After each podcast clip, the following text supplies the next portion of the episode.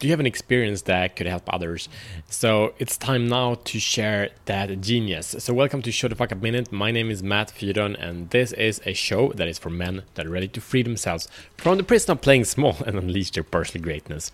So we do this with daily challenges. We grow in the four areas of a meaningful life being purpose, passion, power, and profit.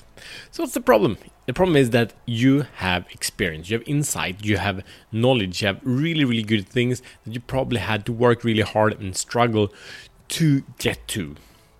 And then uh, and, these things are the things that made you move forward to where you are now. Even if you are having a shitty time right now, you in the past you have had great realization, great insights that has kept you alive, Really, literally kept you alive.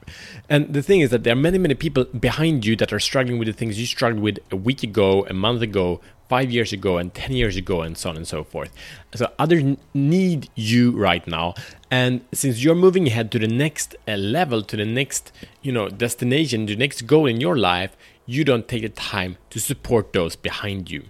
So, what happens here is that you don't have the full realization. That's one of the issues. When we don't teach what we have learned, we don't have the full realization. So, the best way to, to, to, learn is to teach, right? It's a common saying. So, you don't have the full realization. You didn't harvest everything you could from that experience. Number two, by you not showing the fuck up for others, they stay stuck longer in more pain and suffering than they have to do. And so what happens is that that you or them get free. A problem is that everyone gets a higher level of problem. So how does it get better than that, right?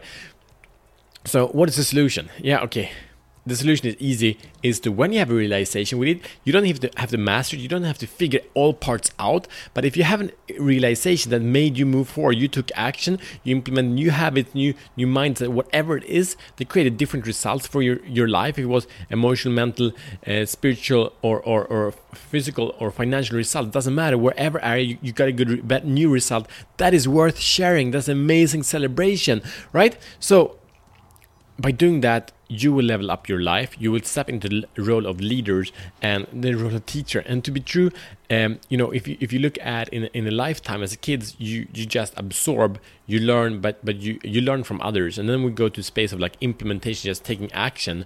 And then we come to the space of elders and that's like handing on. And and uh, some some native tradition speaks about like at 52 you go into the elder stage. Uh, however not many 52 year olds does that.